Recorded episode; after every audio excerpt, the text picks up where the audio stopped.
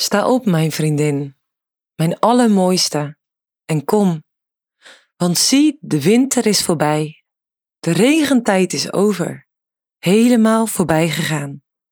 De bloemen laten zich zien op het land, de zangtijd is aangebroken. Het koeren van de tortelduif wordt in ons land gehoord. De vijgenboom brengt zijn jonge vruchten voort. De bloeiende wijnstokken geuren. Sta op, mijn vriendin, en kom, mijn allermooiste.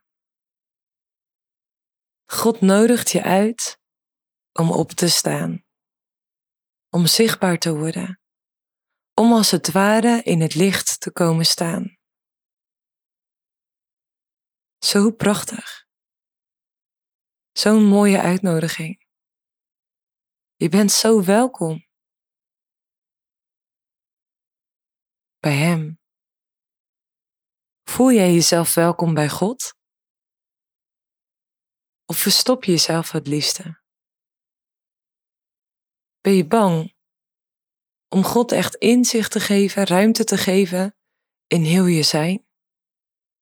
Of mag God heel je hart zien met alles wat erin is? Alle pijn, misschien wel de stinkende stukjes in je zijn. De dingen die je zelf ook het liefst niet onder ogen wilt komen, want ah, als je daarover nadenkt, ah, dan wil je het liefst het verste weg van blijven.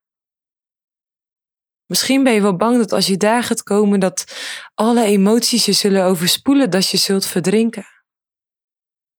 Maar God, de Heelmeester, op alle stukjes van je zijn komen. Ik wil je vandaag uitnodigen om op te staan, om tevoorschijn te komen. Want misschien is de plek waar je bent, in het donker, wel heel erg fijn en veilig. Ben je het liefst verstopt, want daar word je ook niet gekwetst. Daar hoef je niet te voldoen aan bepaalde verwachtingen van mensen.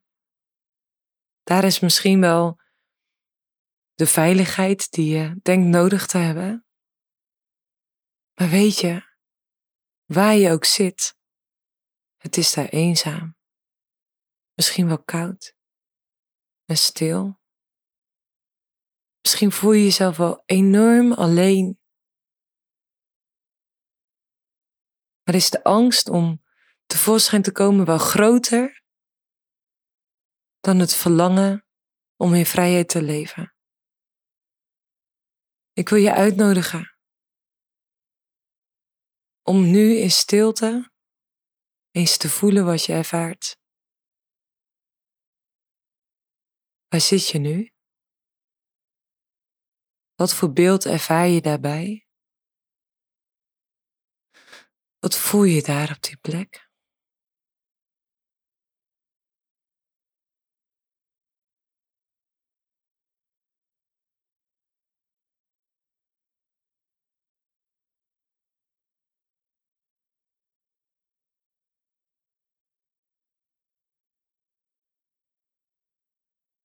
Misschien ervaar je wel dat je in een grot zit. Het is koud en kil. je zit in een hoekje met je rug tegen de muur. En de muur die voelt koud. En je zit met je benen opgetrokken, je armen om je benen heen en je hoofd op je knieën. Het is koud en stil. Je hoort als het ware druppels vallen van vocht dat op de grond drupt. En het is heel koud en naar om daar te zijn. En dan klinkt daar die roepstem van God. Sta op, mijn vriendin, mijn allermooiste, en kom. Mijn duif in de kloven van de rots in de schuilplaats van de bergwand. Laat mij uw gedaante zien en laat mij uw stem horen, want uw stem is zoet en uw gedaante is bekoorlijk. God nodigt je uit om uit die rots, uit die kloof, tevoorschijn te komen. Net zoals dat hij Adam riep. Adam die samen met Eva van de vrucht had gegeten. Op het moment dat ze daarvan aten, kwam schuld en schaamte in de wereld. Onzekerheid, pijn, verdriet, dood, machteloosheid, negativiteit, negatieve gedachten en aanklachten, alles werd opeens deel van het leven van Adam en Eva op het moment dat ze van die vrucht aten. Van die vrucht van de boom van kennis van goed en kwaad. Van de boom waarvan God had gezegd: Mijn liefste kinderen. Mijn enige voorschrift is, is dat jullie van die boom niet eten. Maar die keuze heb je zelf. En vanuit het verlangen om zelf te kunnen heersen, om zelf controle te hebben en zelf te bepalen, de eigen wijsheid, daarin kwam het moment dat dus dit deel werd van hun leven, van jouw leven en van mijn leven.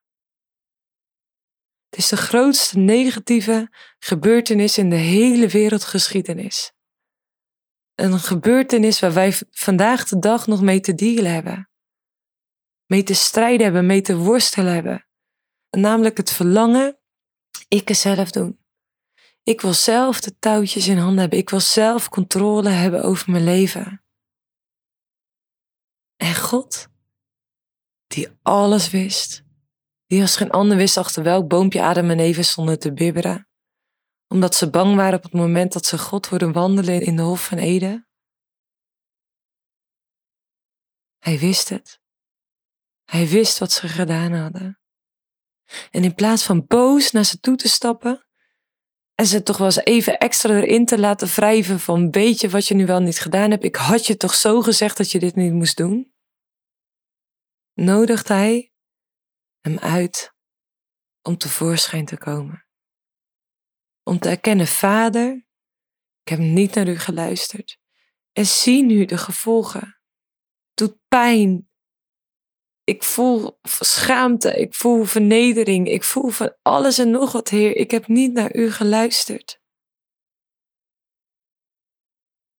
Als ik terugkijk in mijn leven, heb ik zo vaak keuzes gemaakt dat als ik Gods woord lees, dat Hij zegt, lieve Marije, dat is niet goed voor jou. Ontdek hoe ik het leven bedoeld heb. Want dat is het aller, aller, allerbeste voor jou. Ik ben de ontwerper van het leven. Lees dan mijn handleiding zodat je weet hoe je leven mag leven. Maar zo vaak vertrouw ik op mijn eigen inzicht. En het staat in spreuk ook zo mooi. Vertrouw niet op je eigen inzicht, maar ken Hem in al je wegen. Met de belofte, dan zal Hij je paden recht maken.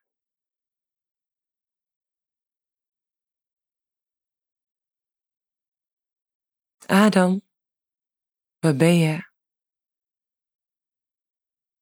En vul je naam maar in. Lieve schat, waar ben je?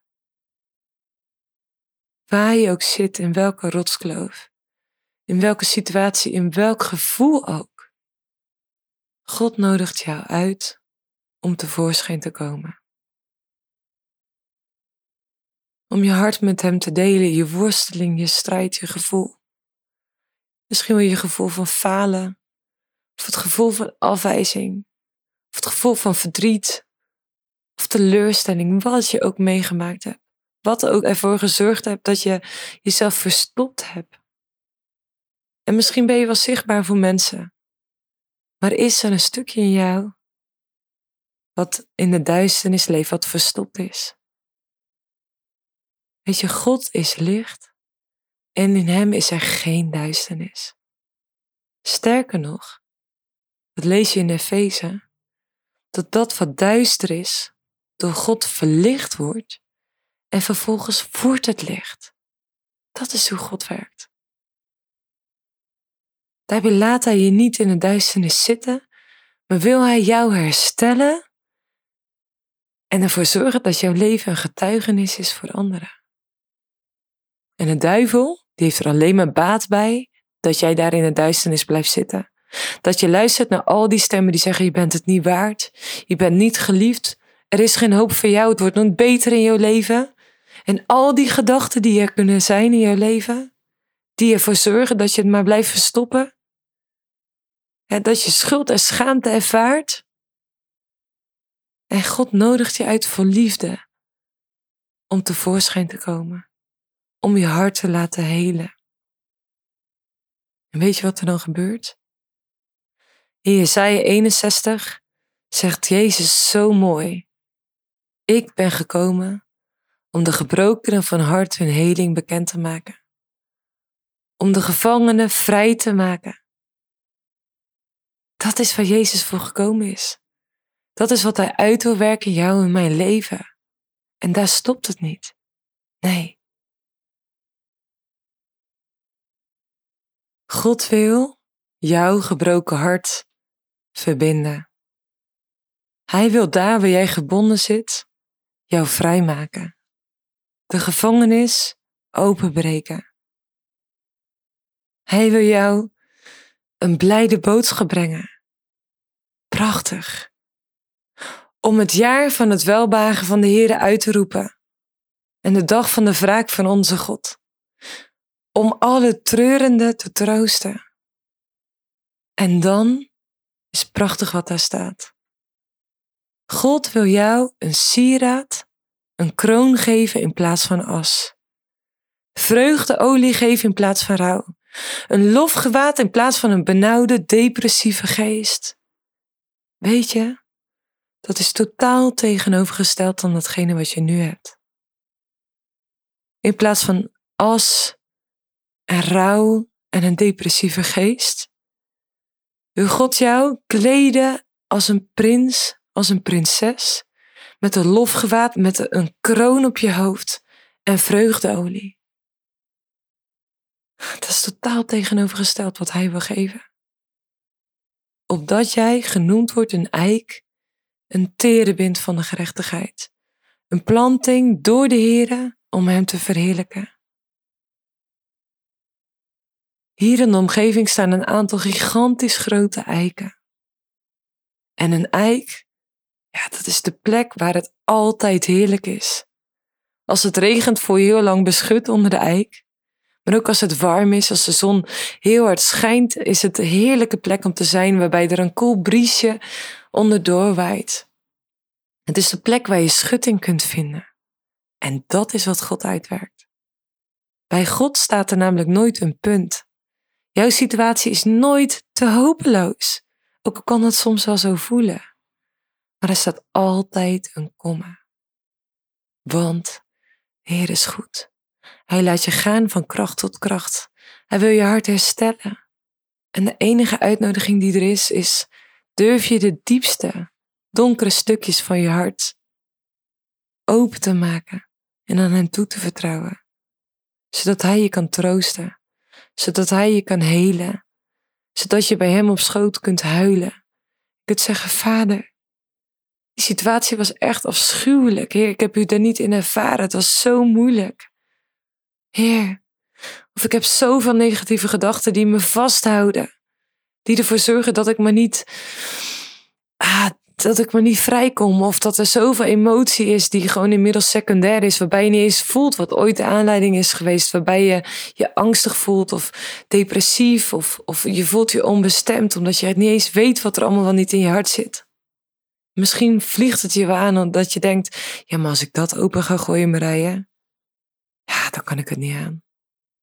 Dat wordt me te veel, ik verzuip in die emoties.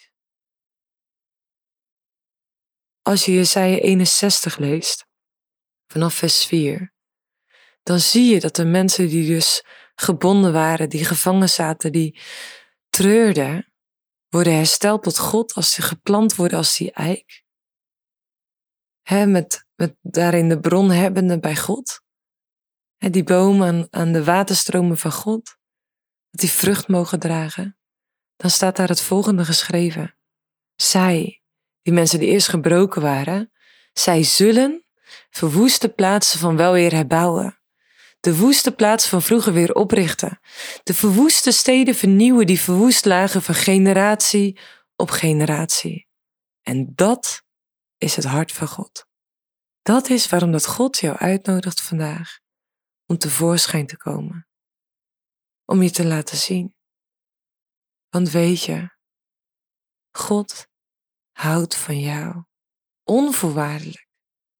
Hij wil dat je zijn genade en mildheid mag ontvangen en dat je gaat leven in de vrijheid die alleen Hij kan geven. Amen.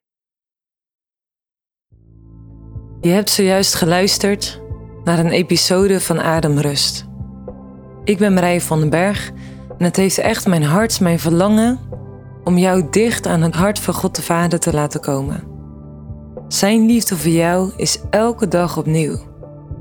Hij wil je overladen met zijn liefde, onvoorwaardelijk. En soms voelt het zo oneerlijk, maar het is zo waar.